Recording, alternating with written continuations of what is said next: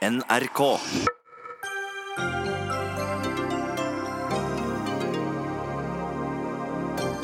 Trond Giske med kraftig forsvar i brev til sentralstyret. Han nekter for tre av fem varsler. Sunniva Andreassen står for første gang åpent fram og kommer til studio for å fortelle om da hun som 18-åring ble befølt og kysset av den daværende kulturministeren. Jeg kan hacke meg gjennom IP-blokkeringen av utenlandske spillselskaper som Arbeiderpartiet og KrF foreslår, hevder Trine Skei Grande, som nå vil ha lisens for spill som Maria Bingo og Norgesautomaten. Kampanje på gang for å få danskene til å gi oss det 700 år gamle kongshornet i gave når Nasjonalmuseet står ferdig i 2020, men er det ikke feil museum? Og russiske idrettsutøvere kan likevel få delta i OL. Det skal nemlig mer til enn dokumentert statsdrevet doping for å utestenge dem.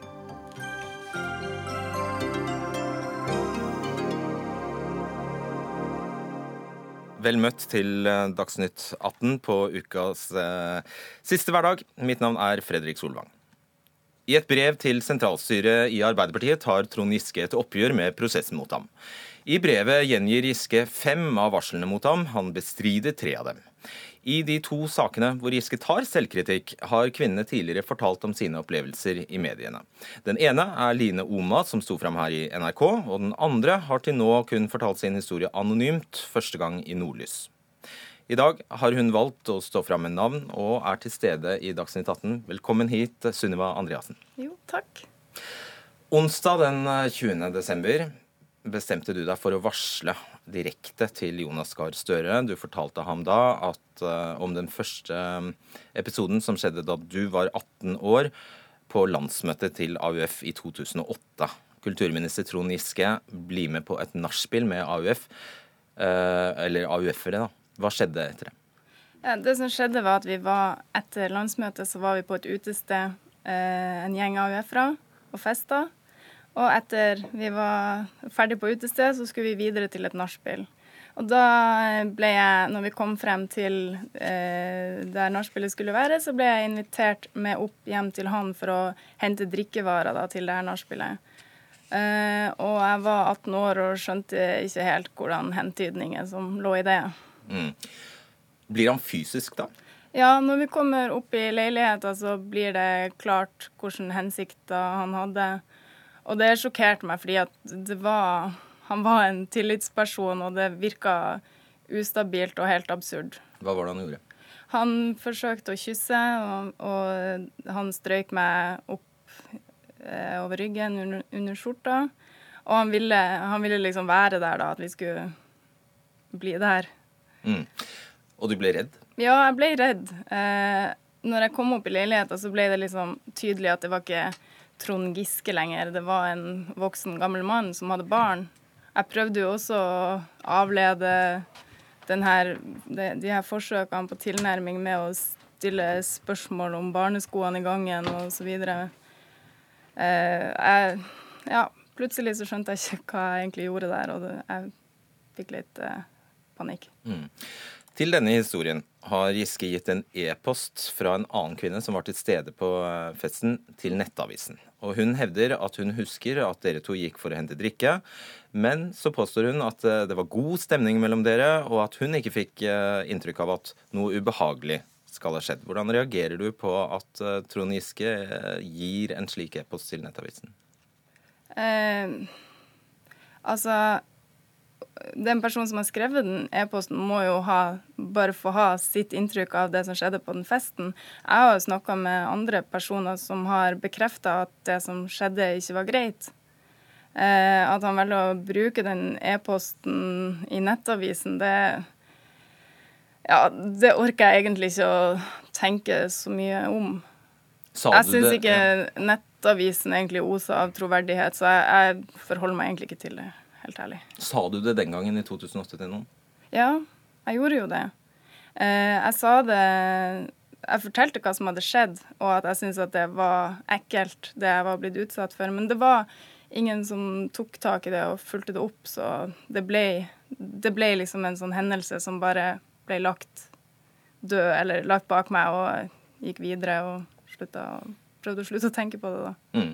Men så skjer det altså året etter, i 2009. Mm. Da var Giske i Tromsø for å holde et foredrag for unge tillitsvalgte, og du var involvert i det arrangementet. Hva skjedde da? Ja, eller han var i Tromsø eh, og sendte melding til meg om at han var i Tromsø.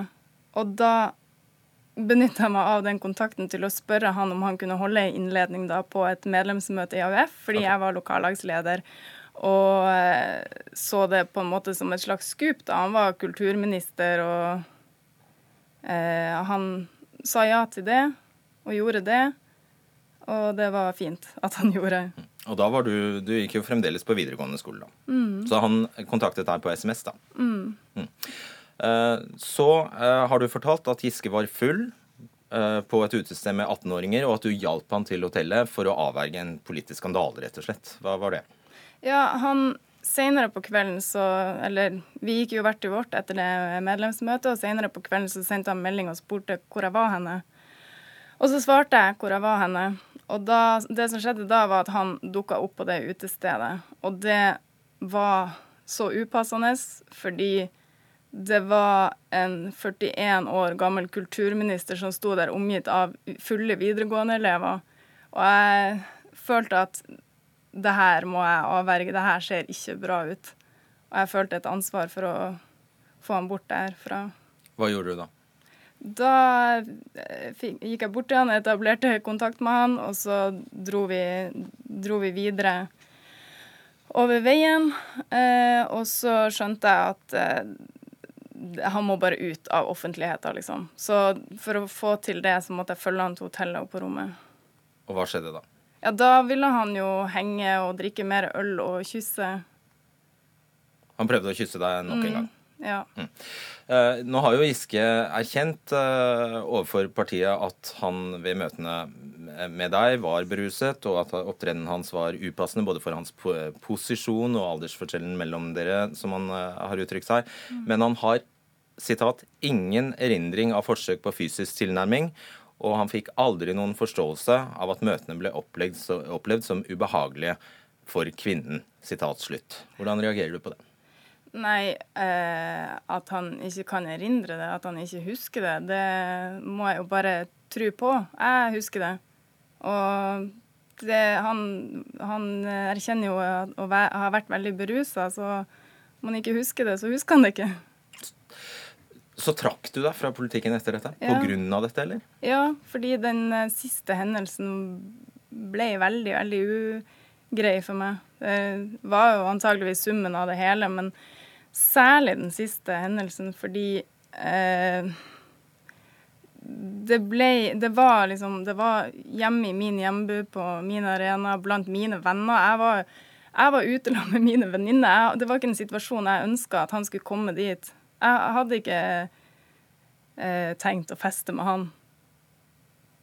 Så sier Giske at han aksepterer fullt ut dine historier, og at han påtar seg det fulle ansvar for det som skjedde. Hjelper det når han samtidig sier at han ikke kan huske?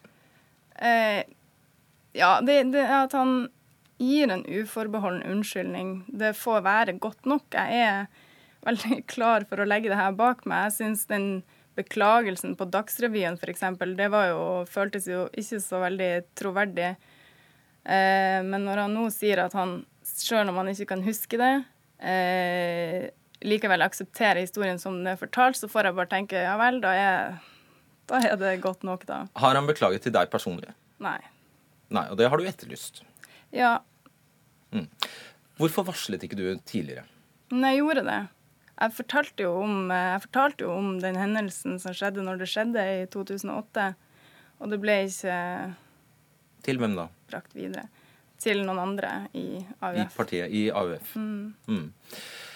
Uh, det er en grunn til at du Eller hvorfor står det fram på dagen da Giske sender sitt brev til Eller da brevet fra Giske til sentralstyret blir kjent, da?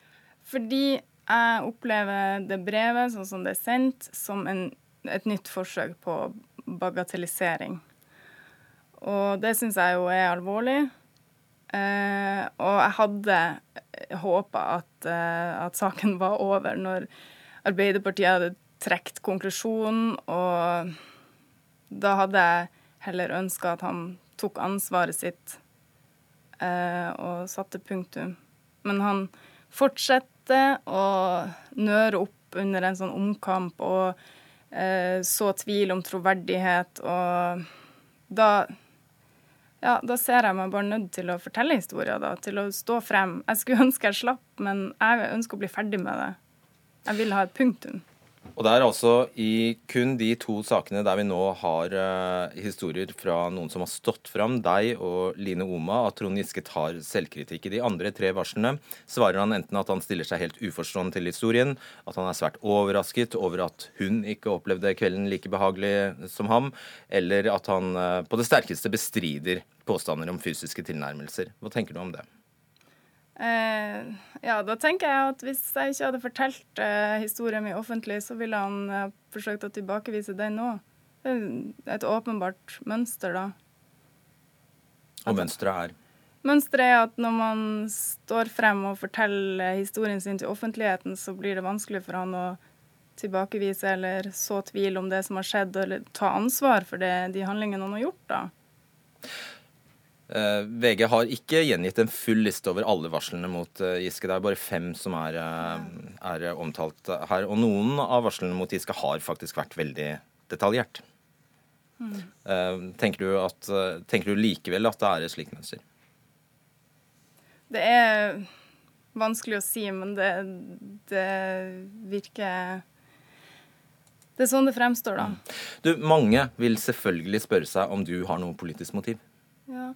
Jeg har ingen politiske verv. Jeg har ikke noe maktkamp å føre eller eh, Jeg har ingenting politisk å vinne, annet enn at eh, det blir mer en sånn, et spørsmål om verdier og hvilket samfunn vi vil ha. At eh, jeg syns den alvor, alvoret i denne saken har eh, gjort at jeg er villig til å kjempe denne kampen. Fordi det er ikke riktig at mektige menn skal bruke sin makt og posisjon til å ta seg til rette og skyve, andre, skyve unge kvinner vekk. Tror du at din sak har blitt håndtert som et tilfelle av seksuell trakassering av ledelsen i Arbeiderpartiet? Ja. Er du sikker på det? Ja, jeg er sikker på at de har konkludert med at det seksuell har Eh, har forekommet seksuell trakassering. Mm. Så du er av de, eh, en av de sakene der eh, de faktisk har fastslått det. Er det noe mer du vil legge til? Nei, jeg bare håper at uh, igjen at det Hvis Trond Giske har lyst, å, lyst på ro og bygge opp tillit, så kanskje han skal begynne med det snart. Kanskje han skal avslutte det her og ta ansvaret sitt istedenfor å koke opp på nytt og på nytt. Vi har vært i kontakt med Giskes rådgiver Bård Flårønning, som sier at Trond Giske fremdeles er sykemeldt og ikke har ytterligere eh, kommentarer. Og så er det jo slik at um, vi også har vært i kontakt med advokat Kristoffer Hansten og advokat Frode Sulland. De takker nei til å være med her eh, i, i studio, men har sendt oss denne uttalelsen. Vi kan bekrefte at vi har utarbeidet et notat til vår klient med en oppsummering av hovedinnholdet i fem varsler. De varsler Ap har konkludert med brudd på partiets retningslinjer. Vårt notat er utarbeidet på bakgrunn av skriftlige notater gjort under innsynet i varslingssakene 12.1. Fra vår side har det vært eh, meningen ikke å utelate noen sentrale detaljer. Høres greit ut. Eh, ja, altså det er jo fortsatt noe jeg stusser litt over i, i beskrivelsen fra advokaten. Det er ikke riktig hendelsesforløp. Og jeg syns det er detaljer som er vesentlige, som ikke er blitt tatt med. Bare, bare, ja, la, la, oss bare ta det kjempebra. I din sak, hva er for eksempel, vil, vil du fortelle hva, hva, som er utelatt her, som kan være av vesentlig betydning? Eh, eksempel så blir det, det, det beskrevet at vi dro fra nachspielet for å hente mer å drikke. Og det stemmer ikke, fordi vi dro aldri innom det nachspielet før vi dro i den leiligheten. Og det er det jo vitner som kan bekrefte. Hvorfor er det viktig? Eh, det er det er bare, det er bare historia skal bli Det forskjønner historien for hans, eh, for hans selv? Ja, det kan være. At det, det hører, altså Når det, han i tillegg slenger på sånn Ja, jeg så at det var god stemning. At noen har sagt at jeg så at det var god stemning mellom dem. Mm. Eh, ja, det er på en måte med på å eh, forskjønne en sånn historie. At det var veldig At jeg hadde ansvaret for det sjøl, da, siden jeg ble med. Men det var ikke sånn jeg opplevde det. Tusen takk skal du ha, Sunniva Andreassen. Takk.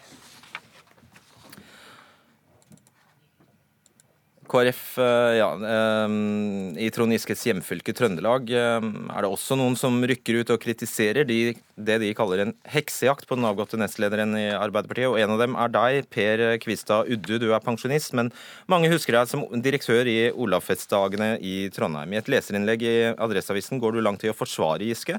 Nå er det nok, er overskriften. Og når du hører denne varsleren snakke ut her i Dagsnytt 18, er du fortsatt like klar i ditt forsvar av Giske?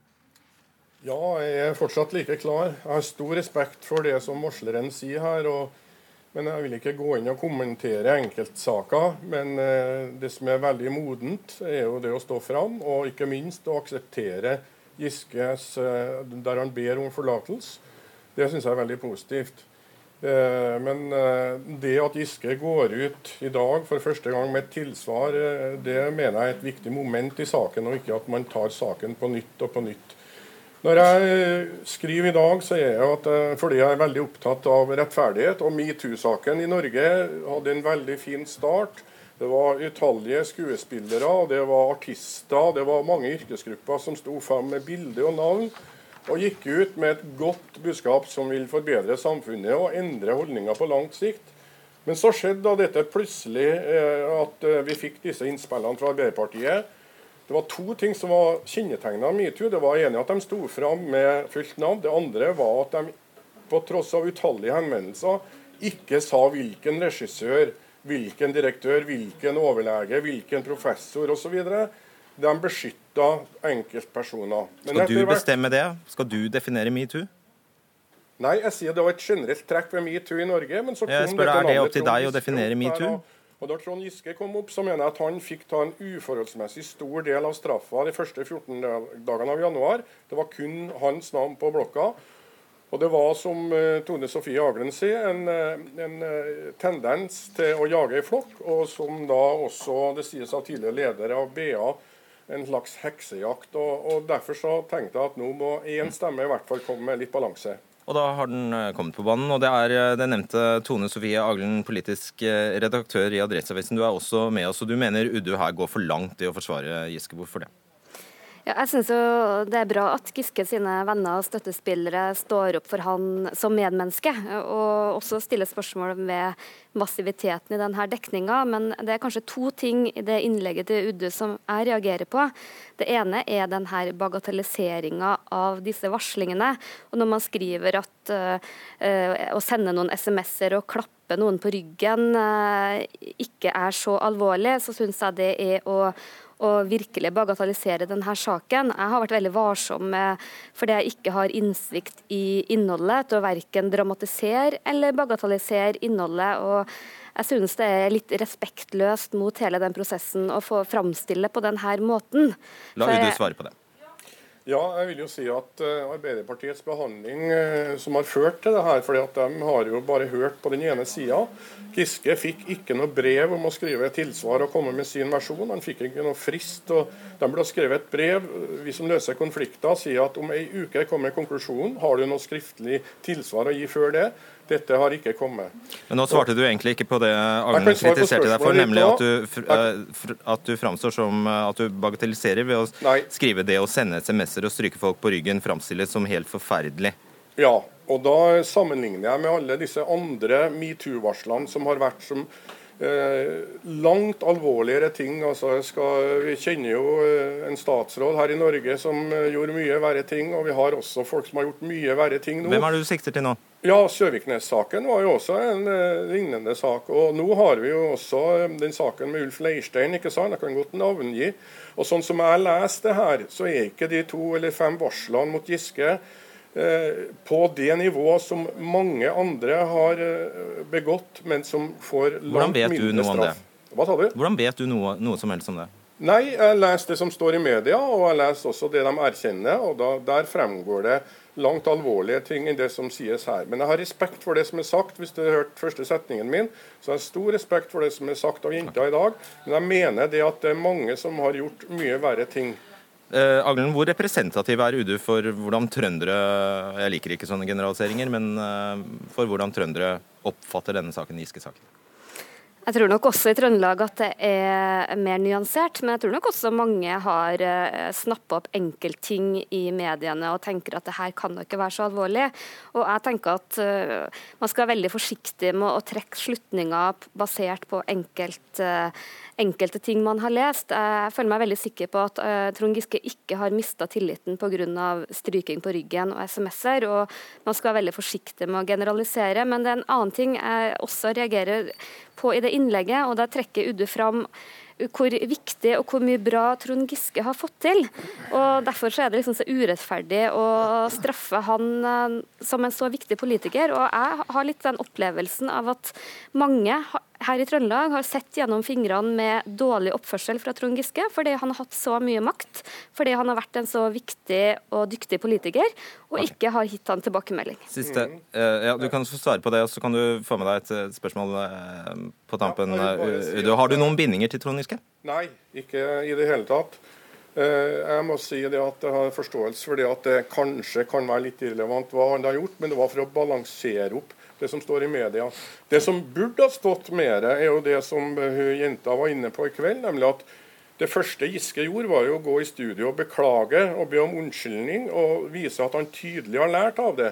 Det er faktisk mange sammenhenger at det er nok. Det er selvfølgelig ikke nok her, men det er svært eh, mange, svært få som omtaler det som eh, at det tar det til hans fordel. Men jeg syns han har tatt det veldig voksent.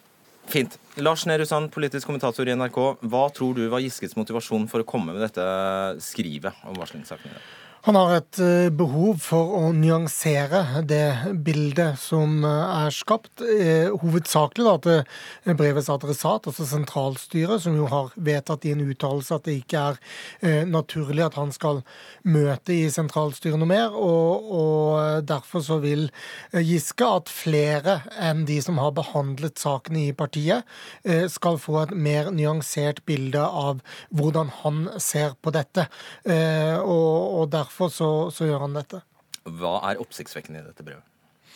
Eh, det, er, eh, det kanskje mest oppsiktsvekkende er det som er umulig å lese som noe annet enn en kritikk av hele saksbehandlingen og prosedyren til da partiet som sådan, men, men Jonas Gahr Støre som partileder i, i, hovedsak, eh, hvor han mener at det har vært en omvendt bevisbyrde, og hvor konklusjonen til Arbeiderpartiet, nemlig at det har foregått seksuell trakassering i mer enn én sak, er, var ferdig før han var friskmeldt, og at det er en prosess han bare må ta til etterretning, og åpenbart da ikke er eh, fornøyd med, eller mener er tilfredsstillende, sånn som man kan lese det. Takk, Lars Nehru Sand. Dagsnytt 18 alle hverdager klokka 18.00 på NRK P2 og NRK2. KrF og Arbeiderpartiet har nå fremmet et forslag der de vil stoppe utenlandske spillselskaper ved å blokkere IP-adressene deres. For slik det er i dag, er det bare Norsk Tipping som har lov til å tilby spilletjenester, selv om det er en godt kjent sak at de uregulerte lever fritt i markedet. Partiene ønsker nå å beskytte Norsk Tippings enerettsmodell, der hele overskuddet går tilbake til idrett og kultur, som i 2016 var på over 4 milliarder kroner. Og det er det faktisk nå flertall for, for på Stortinget. I VG leser vi at du, eh, Trine Skei Grande, mener det er naivt at man eh, kan blokkere utenlandske spillselskaper. Du er altså kulturminister. Hvorfor er det naivt? Nei, Noen av de tiltakene vet vi egentlig ikke fungerer så godt. Altså Det å f.eks. blokkere IP-adresser er veldig ressurskrevende veldig enkelt å gå rundt. Tror jeg du, jeg og du hadde klart å sette opp en proxy på maskinen vår og gå rundt. Så det er veldig lett å gå rundt. Det er et ganske drastisk tiltak som da krever masse ressurser. Og, og som jeg, hvis du skal virkelig få det til å fungere, så, så, så vil det kreve masse ressurser. Jeg mener det er sånne tiltak som vi skal bruke på virkelig grove ting, som vi f.eks. gjør det på barneporno. Og så mener du at det faktisk ikke vil gjøre nytten? Det vil bare, man vil kunne klare å ta de små fiskene og ikke de store? Ja, man tar ikke de store, for det er så lett å gå rundt. Men det, det, jeg vil gjerne ha dialog med komiteen på ting man kan gjøre. Jeg mener at nå begynner vi å, å komme nærmere på å få til et ordentlig reklameforbud. Eh, det viser seg i de landene som har den type IP-blokkering, altså som blokkerer en internettadresse, eh, der har det egentlig ikke noen følge for spilling, men det har en følge for, som en varsling til folk at nå gjør du noe som egentlig ikke er lov. Eh, så det er mulig å f.eks. sette opp blokkeringer som gjør at når du går inn på disse nettadressene, så får det automatisk en en skjerm som popper opp og sier at nå går du inn på et nettsted som ikke er lov til å spille fra Norge. Og det har like stor effekt som den IP-blokkeringa, som koster masse penger, mens den pop-open ikke gjør det. Så jeg håper jo at, eh, at når, når, jeg får svart komiteen og kommet med de forslagene våre, at de ser at det er ting vi kan gjøre for å beholde enerettsmodellen uten å bruke veldig mye ressurser og likevel få stor virkning på det. Som du beskriver det, er jo dette rett og slett bare dårlig lite gjennomtenkt. Geir Bekkevold, stortingsrepresentant og andre nestleder i familie familie- og kulturkomiteen fra KrF? Nei, dette er ikke dårlig eller lite gjennomtenkt. Eh, dette er jo eh, noe vi foreslår, og det etter en anbefaling fra et utvalg som det forrige regjeringen satte ned. Hamar-utvalget. Hvis Trine Skei Grande greier å hacke seg inn, så er det vel ja, men du, I dag så er det sånn at Trine Skei Grande trenger ikke å hacke seg inn på disse spill, spillselskapene, for de er ikke blokkert. Nei, men hvis du setter opp en, men, så kan du sette opp en proxy men, som går rundt det på IP-en. Dette er en av de tingene som, som Hamar-utvalget eh, peker på som et godt tiltak, eh, og det er mulig å få til. Og Det de konkluderer, de konkluderer med, det er jo at det er jo bare politisk vilje som må til for å få det til. Og det er, Du har akkurat beskrevet hva den blokkeringen går ut på at du bl.a. istedenfor å komme på det spillselskapet, så blir du sendt videre til annen, en annen side, hvor du blir advart mot at dette spillet er ulovlig i Norge. Og Jeg vil bare peke på en ting. Jeg tror ja. også på at den eh, pop-upen som Trine Skei Grande snakker om, eh, er effektiv. fordi at jeg tror det er veldig mange av de som spiller på de utenlandske spillselskapene, de er ikke klar over at de uh, spillene de er ulovlige i Norge. Come on. Nei, det mener jeg alvorlig. Altså, det er kjente idrettsstjerner som reklamerer for disse spillene, eh, og, eller artister. Eh, og når kjente idrettsstjerner kan få lov til å okay. reklamere for dette, så tror jeg det er mange som ikke er klar over at dette er ulovlig. Men vi må gjøre det vi kan. for det som er bakgrunnen, det er at vi ønsker en ansvarlig spillpolitikk som ikke minst tar hensyn til alle de som sliter med spillavhengighet. Det gjør, alle. Vet, det gjør alle. Ja, det skal vi prøve. og Derfor heller jeg nå på å jobbe med å lage en meny til, til, komiteen med andre forslag som jeg tror har like stor virkning. For det med å blokkere IP-adresser, det første gangen vi behandla det i Stortinget, tror jeg er ti år siden det kom som idé. Og så har det vist seg at det er veldig ressurskrevende i forhold til hva du får til. Og når du bruker så mye ressurser, hvor tar du de ressursene fra? Jo, du tar det fra de samme tippemidlene. Så det blir færre midler til frivilligheten, til et virkemiddel som vi ikke tror egentlig fører til at vi får stoppa noen. Så jeg har bare lyst til å komme med flere gode forslag. Ja, ja. som vi vet funker. Ja, Anette Trettebergstuen sin eh, tur. Hun er stortingsrepresentant for eh, Arbeiderpartiet. Er det noen andre land som har lykkes med denne type blokkering? Ja, altså Dette er ikke noe vi har eh, funnet på selv. Det er som sagt et ekspertutvalg som har anbefalt det til denne regjeringen. Og tolv andre EU-land eh, har, eh, gjennomfører det, og, og, er i varierende grad eh, fornøyd med virkningen av det. Så er det jo ikke sånn at Hva vil det si? At det bare fungerer litt, eller? Nei, men det er ulike, de har valgt ulike løsninger rent praktisk. Men det er jo ikke slik at vi heller tror at dette vil løse problemet for alltid. Eh, men det gjør det litt vanskeligere for selskapene å drive eh, ulovlig på det norske markedet. Og det opplyser også de som eh, forsøker å spille hos selskapene om at, det er ulovlig. Men det er bare ett av mange tiltak vi nå har foreslått for å bevare den norske spillmodellen. Men det er så dyrt, sier da Grande, at det faktisk ja, er lite hensiktsmessig da må vi få de tallene på bordet om hva det kommer til å koste. og Så kan vi godt diskutere eh, det ut ifra kost og nytte. Men som sagt, tolv andre EU-land eh, gjør dette her eh, som et ledd i å bekjempe denne ulovlige virksomheten. Og da mener vi også at det kan ses på. Ja. Det er ikke 18 eller 12, det er 15, det er 15 land. Ja, okay, da. Så, så, Blant dem bl.a. Danmark. Ja, og det, det, analysen i de landene sier, det er at dette fungerer spesielt for den gruppen som, som Geir Jørgen snakka om, som ikke vet at dette er ulovlig. Og konklusjonen da er at da kan du like gjerne lage en sånn pop-up eh, som kommer opp på skjermen din, og den vil ha like stor virkning. Og den kan vi sette opp automatisk. Det koster ikke masse ressurser. La oss eh, skifte tema litt, fordi eh, i tillegg til dette så ønsker du, Grande, å åpne opp for lisenser til utenlandske aktører. Og det er radikalt. Ja, Venstre mener det, men regjeringa mener ikke det. Nå har jeg blitt statsråd. Så du får heldigvis ikke viljen din. denne, denne saken tapte jeg. Men litt av tankegangen er jo at i dag brukes det 1,5 milliard, cirka, kanskje tror man, på spill i utenlandske spill.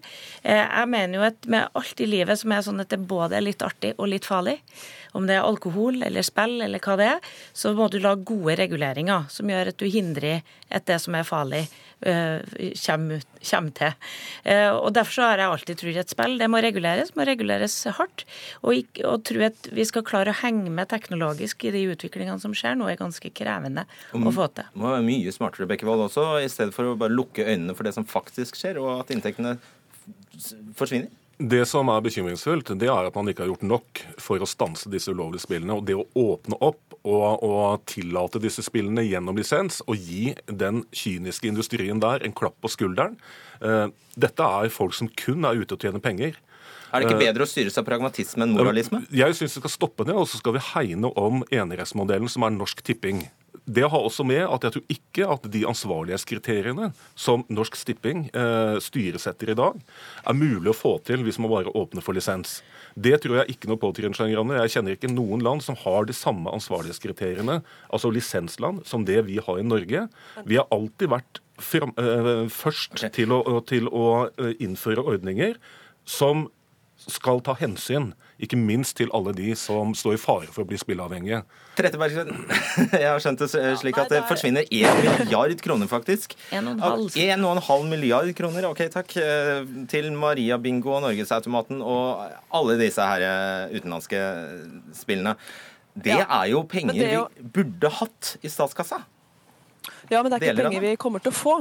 Det er ikke penger vi kommer til å få. For det er ekstremt naivt å tro at disse utenlandske store spillselskapene som tjener penger ulovlig på det norske markedet i dag, de ønsker ikke eh, å, å, å, drive under norsk lisens. Det sier de selv også, og det er nettopp fordi at Vi har hatt flere på besøk her som ber om det. De driver, de, driver, de, driver, de driver på norsk markedet for å tjene penger. Eh, Norsk Tipping sitt overskudd går direkte tilbake til idrett, kultur og frivillighet i hele landet. Overskuddet brukes til det. Det er ikke de fleste av disse spillselskapene interessert i.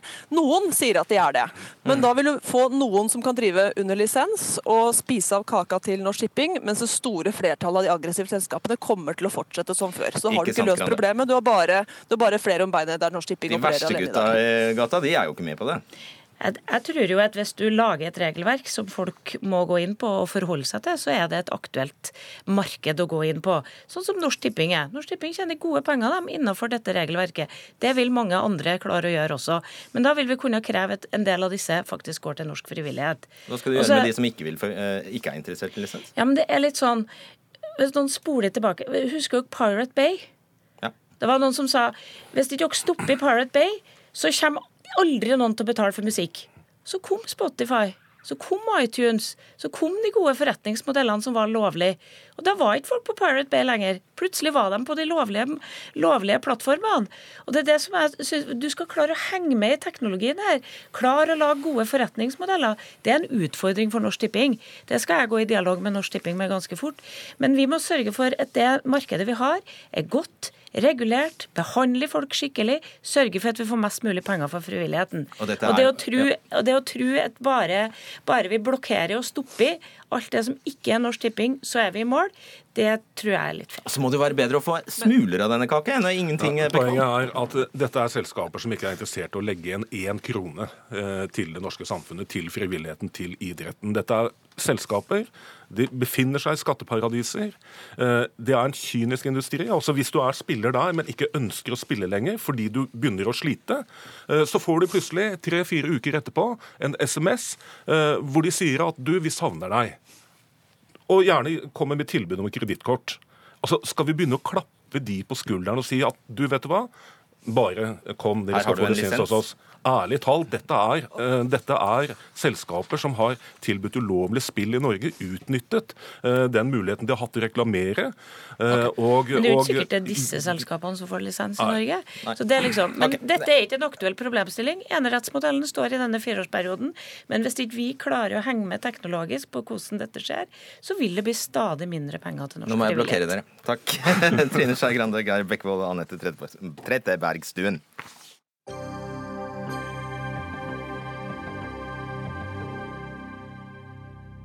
I et monter på Nasjonalmuseet i København er det norske kongehornet utstilt. Drikkehornet, som kommer fra en urokse, er stort. Det er 17 cm i diameter og prydet med åtte våpenskjold, de fleste av dem fra norsk høyadel. I midten står den norske riksløven med St. Olavs øks i givakt. Så hva gjør det i Danmark? Og hadde det ikke vært en fin gest om Danmark skjenket oss dette hornet i en gave i anledning åpningen av det nye Nasjonalmuseet i 2020? Asle Toje, forskningssjef ved Nobelinstituttet. Du er her i dag som privatperson og initiativtaker til kampanjen Bring hornet tilbake. Vakkert. Hvilken symbolverdi hadde drikkehornet i middelalderen? Eh, når vi ser i sagalitteraturen, så er eh, drikkehornet et symbol på storfolk. Eh, og det assosieres gjerne med Det er et slags, et slags maktsymbol. Eh, store drikkehorn er et tegn på større folk, og dette, det såkalte norske kongshornet er det største av dem alle. De er en samling av 24 eh, kongs, eller, drikkehorn fra høymiddelalderen i København, og det største av dem alle er det norske kongshornet med, eh, med da våpenskjoldet til den norske kongen Håkon den 6. midt på. Og det er stadfestet at det er norsk? Eh, ja, det er eh, Ja, akkurat nå som vi har begynt å diskutere det, så er det veldig interessant. Altså, en del norske historikere ønsker å trekke da dateringen eh, tidligere, slik at til Håkon den femtes tid. For da, det, da, da har, vi, vi, har, vi, ikke den danske innflytelsen. Da er det i hvert fall norsk. Ja, ikke sant? Og så har vi danske historikere som ønsker å forsøke å trekke, det, trekke korene mot Erik mot Pommerns tid. For da, da, kan man få sterkere dansk hevd på dette. Jeg kan kun forholde meg til hva som står i den danske museumskatalogen. og Der står det eh, drikkehornet eh, ble sannsynligvis laget i Oslo på 1340-tallet.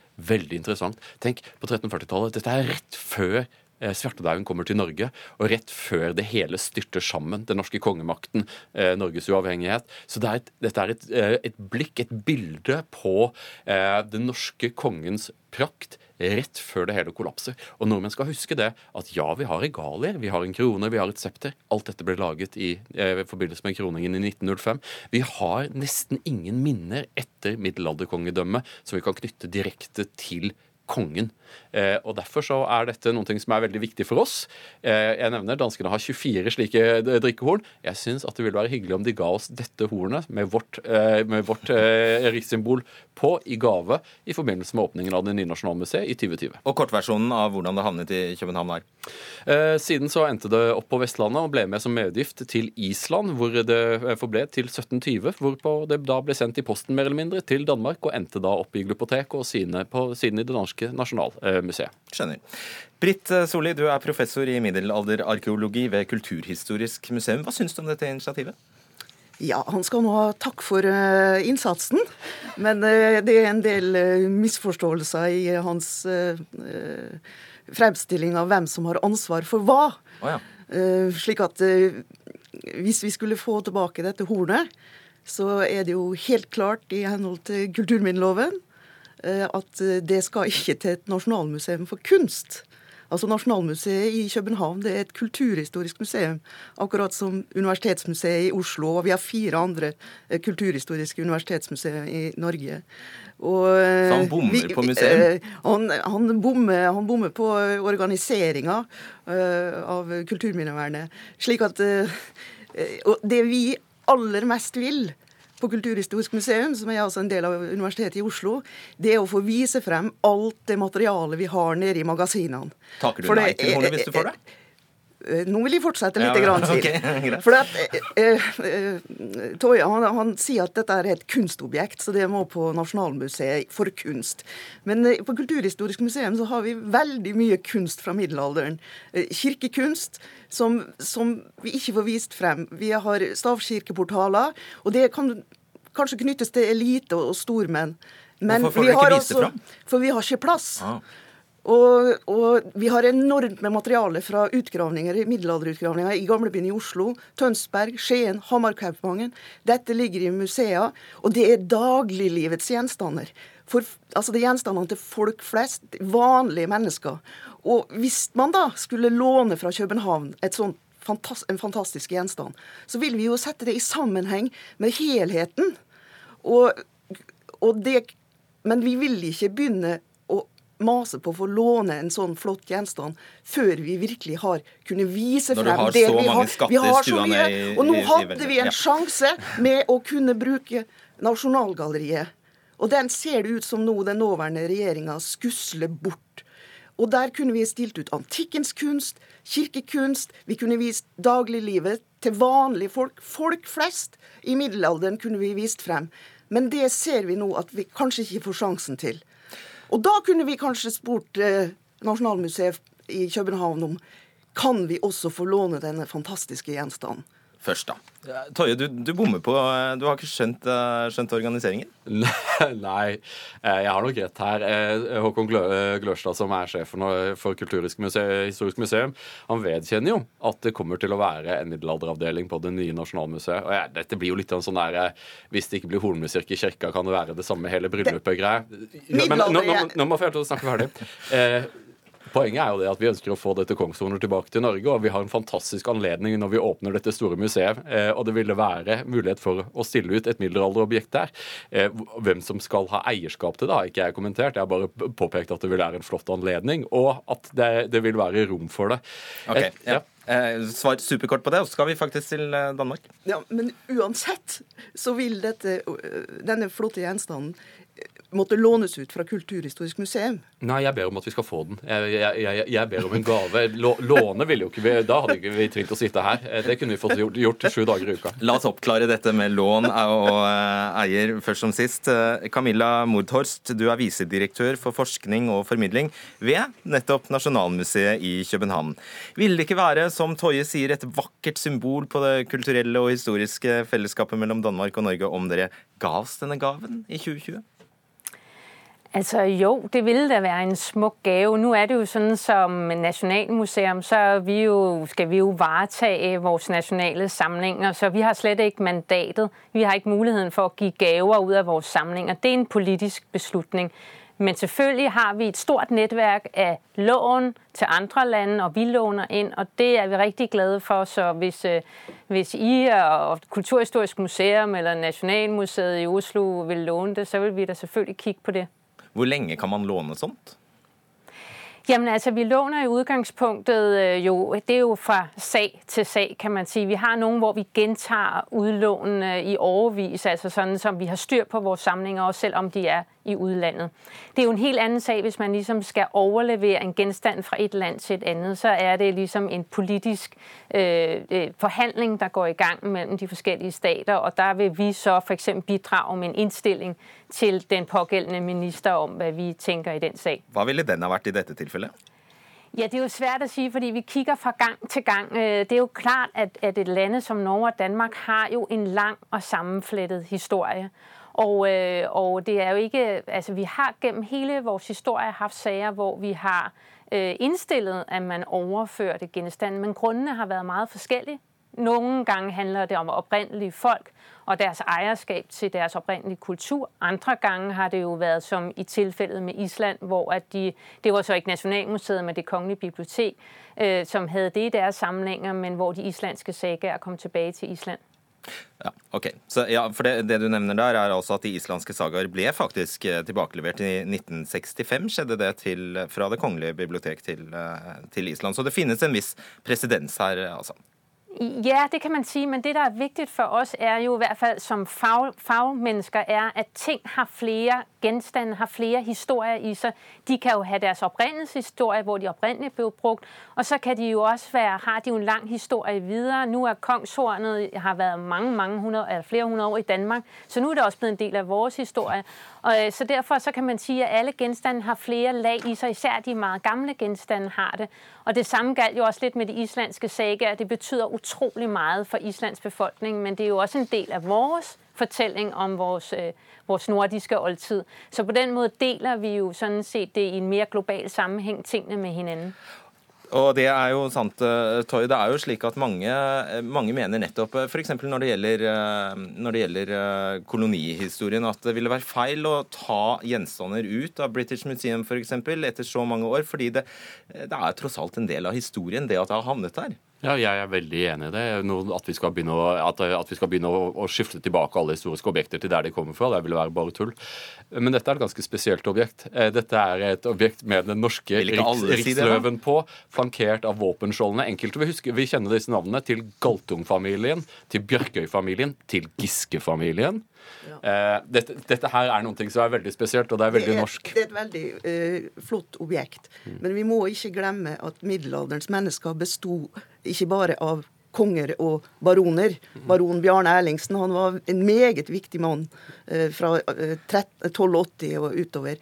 Vi må også kunne vise de vanlige menneskers liv, og der har vi på Kulturhistorisk museum en fantastisk samling som vi, vi gjerne vil formidle men som vi nå dessverre ikke har plass til å, å vise frem. Og vi, vårt, vårt, vi vil rette søkelys mot uh, mer den folkelige kulturen. Mm. Jeg, jeg, har bare lyst til å smette inn et, et siste spørsmål her. Altså, du skriver Tøye, så kan vi glemme pinligheten på Tullinløkka med sine sammenraskede montre og pedagogiske vattfigurer. Hva er det du sikter, Hvilket museum er det du sikter til her? Eh, Kulturhistorisk museum er eh, det dårligste kulturhistoriske nasjonalmuseet eh, for, for historie i Skandinavia. Og jeg er veldig enig i at politikerne har forsømt seg her. Naturligvis så burde Kulturhistorisk museum få eh, Nasjonalgalleriet og få mye mer utstillingsplass. Det, det, er veldig spesielt at du har gått rundt og sett på vattfigurer på Kulturhistorisk museum. Da er det en stund siden du har vært der. Og i middelaldersamlinga som, eh, eh, som i hallen, som var designa av Sverre Fehn, det var ikke noen vattfigurer der. Vet du, Dette synes syns jeg er reine flåseriet. Ja, OK. Eh, så, eh, eh, Jeg skal å fortelle dere hvordan dere skal gjøre, gjøre, jobben deres. Men så, på et museum, det som er verneverdig på et museum, er objektene. Hvis du er så opptatt som er så stolt over at man har en utstilling som man ikke har forandra siden var 1950-tallet, så kanskje man har et feil fokus. Og det er, alle, alle det, det gjelder, det gjelder på Kulturhistorisk museum pakkes nå ned. Men det gjelder jo hele, det gjelder jo hele denne debatten. Hvordan dere misser, hele museet. Dere misser hele poenget. Vi skal nå dere misser hele ha et vikingtidsmuseum museum på, på Bygdø som vi inderlig håper politikerne går inn for. For første gang på utrolig lenge så diskuterer vi norsk middelalderhistorie, og så sitter dere og er sure. Vi er fatter, veldig, fatter dere ikke at et sånt kongshorn vil skape interesse for den folkehistorien som du er opptatt av? Ja, men de, de, de vil jo ha det som et kunstobjekt uten kontekst. Gjerne, så lenge vi har det, og så lenge det er vårt. Vet du hva jeg tipper? Jeg tipper at uh, det har faktisk avstedkommet nysgjerrighet hos en, hos en del som Det takker kanskje, altså, Ikke sant? Det kan du takke Tore for.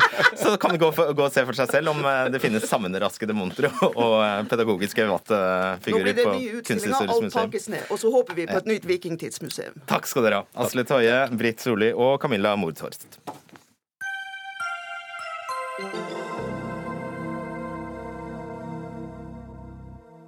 I går frikjente Kass, eller det som også heter idrettens voldgiftsrett, til de fleste store overraskelse 28 utøvere som dermed får, eller kan, få delta i OL likevel.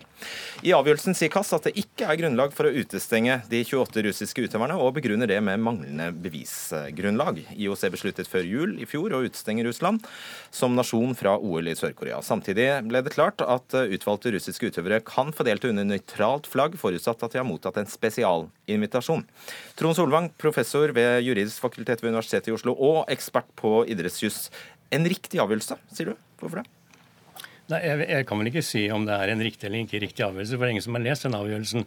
Men mitt, min tanke og mitt budskap har vært at uh, det er mange som eh, angriper si, utfallet i det, for det passer særdeles dårlig inn i hvordan oppkjøringa til OL gjennom IOCs andre si, virkemidler er gjort. Altså Den passer veldig dårlig inn, men at man ikke må blande det inn med om, om dette er en, en, riktig eller en ikke riktig dom. og Det mener jeg det klart utgangspunktet må være. Det var litt være... vanskelig å forstå deg. Jeg, bare, jeg forkorter og forenkler. Ja det, du, det jeg trodde du skulle si nå, var at dette er riktig på individuelt nivå. Ja, men jeg må si at vi har ikke lest dommen. Ingen har lest dommen. Okay. Det er en pressemelding som gir et resultat, og, og, det resultatet har vært utsatt for kritikk fra en del hold. Og jeg bare ønsker å si at startpunktet må være at den dommen er riktig, og at dommerne har gjort en samvittighetsfull eh, jobb ved å vurdere bevisene. Men det er riktig som du sier, på, på individgrunnlag, eh, altså. Mot disse enkelte eh, 39 er det. Noen har blitt frifunnet, noen har blitt da dømt eh, i betydningen opprettholdt avgjørelsen som IOC på et tidligere tidspunkt avsa. Max, Mats Kaggestad, du er TV 2s ekspert på bl.a. dopingsaker. En seier for russisk idrett, men et tap for idretten er du sitert på. Hvorfor det? Jo, fordi at eh, man snakker om nulltoleranse mot eh, doping i idretten. Eh, og det mener jeg at det kan man egentlig bare slutte å snakke om. fordi at det er nulltoleranse i doping i idretten opp til et visst nivå. Og så er det andre ting som blir viktigere. Og jeg tror at man med fordel nesten kan bare være pragmatisk i forhold til hele situasjonen og si at ja, sånn er det. Altså, doping er viktig opp til et visst nivå. Og så, og så når det blir for, saker som blir for store til at idretten egentlig klarer å håndtere det, så må vi bare se gjennom fingrene på at vi at antageligvis en del utøvere fra en del land, eh, les nasjoner, er, kommer dit, ikke har vært igjennom et skikkelig antidopingregime sånn som de skal ha vært, og at, de, da, at vi ikke kan vite om de er regne eller ikke. Det er det som er problemet. Og, og vi har WADA, vi har dette med WADA-godkjente antidopingarbeid osv. Og, og, og Russland har ikke vært WADA-godkjent på, på, mange år. Man har prøvd og kjempet lenge, og det skjer, det skjer ingenting. Snarere tvert imot. Det som har kommet derfra, er helt grotesk. Og da mener jeg, Hvilke insentiv skal man da skape for å få den nasjonen tilbake på den internasjonale idrettsarenaen? Da tror jeg faktisk man nesten må gjøre som man har gjort i sykkel. Ha kollektiv eh, straff og si sorry, dere får være med igjen i leken når dere har fått dette antidopingarbeidet på beina. Hvordan forholder sånt, en sånn kollektiv eh, straff seg sånn rent juridisk og menneskerettslig? Ja, Det sier seg selv. Altså, det er ukjent innenfor sivilisatorisk tenkning innenfor jussen. Altså, man skal ikke straffe kollektivt. Eh, men, men la meg tilføye Eh, eh, IOC suspenderte jo da den russiske olympiske komité, eh, som du sa, i desember måned. Og Det kan man si det er en kollektiv sanksjon, men det er egentlig ikke det. For det er på foreningsrettslig grunnlag at man sier dere har opptrådt på en måte som ikke er forenlig med våre regler, så vi, vi kobler dere fra oss. Og det får en kollektiv konsekvens for utøveren, som er avhengig av at det russiske olympiske komité er kobla til IOC for å kunne delta. Jeg bare sier det. Så det er også en, et virkemiddel i dette her som man kan benytte seg av og som man kjenner fra Internasjonalt Friluftsforbund osv. Ja. Mm. Eh, Kristin Kloster Aasen, du er eh, IOC-medlem. Er dere overrasket? Jeg tror at IOC er eh, litt overrasket, litt skuffet og også litt tilfreds med at, at disse avgjørelsene er opprettholdt for elleve utøvere.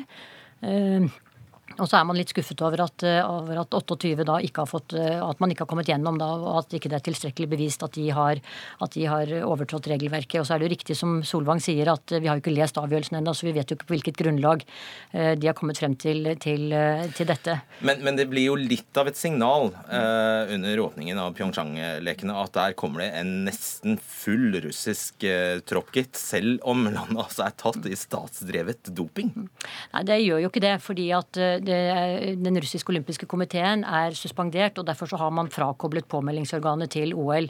Og så har man eh, sagt at man på nærmere angitte vilkår kan invitere de eh, utøverne som, som man da er helt sikre på er rene. Ja, Hvordan vil det se ut, da?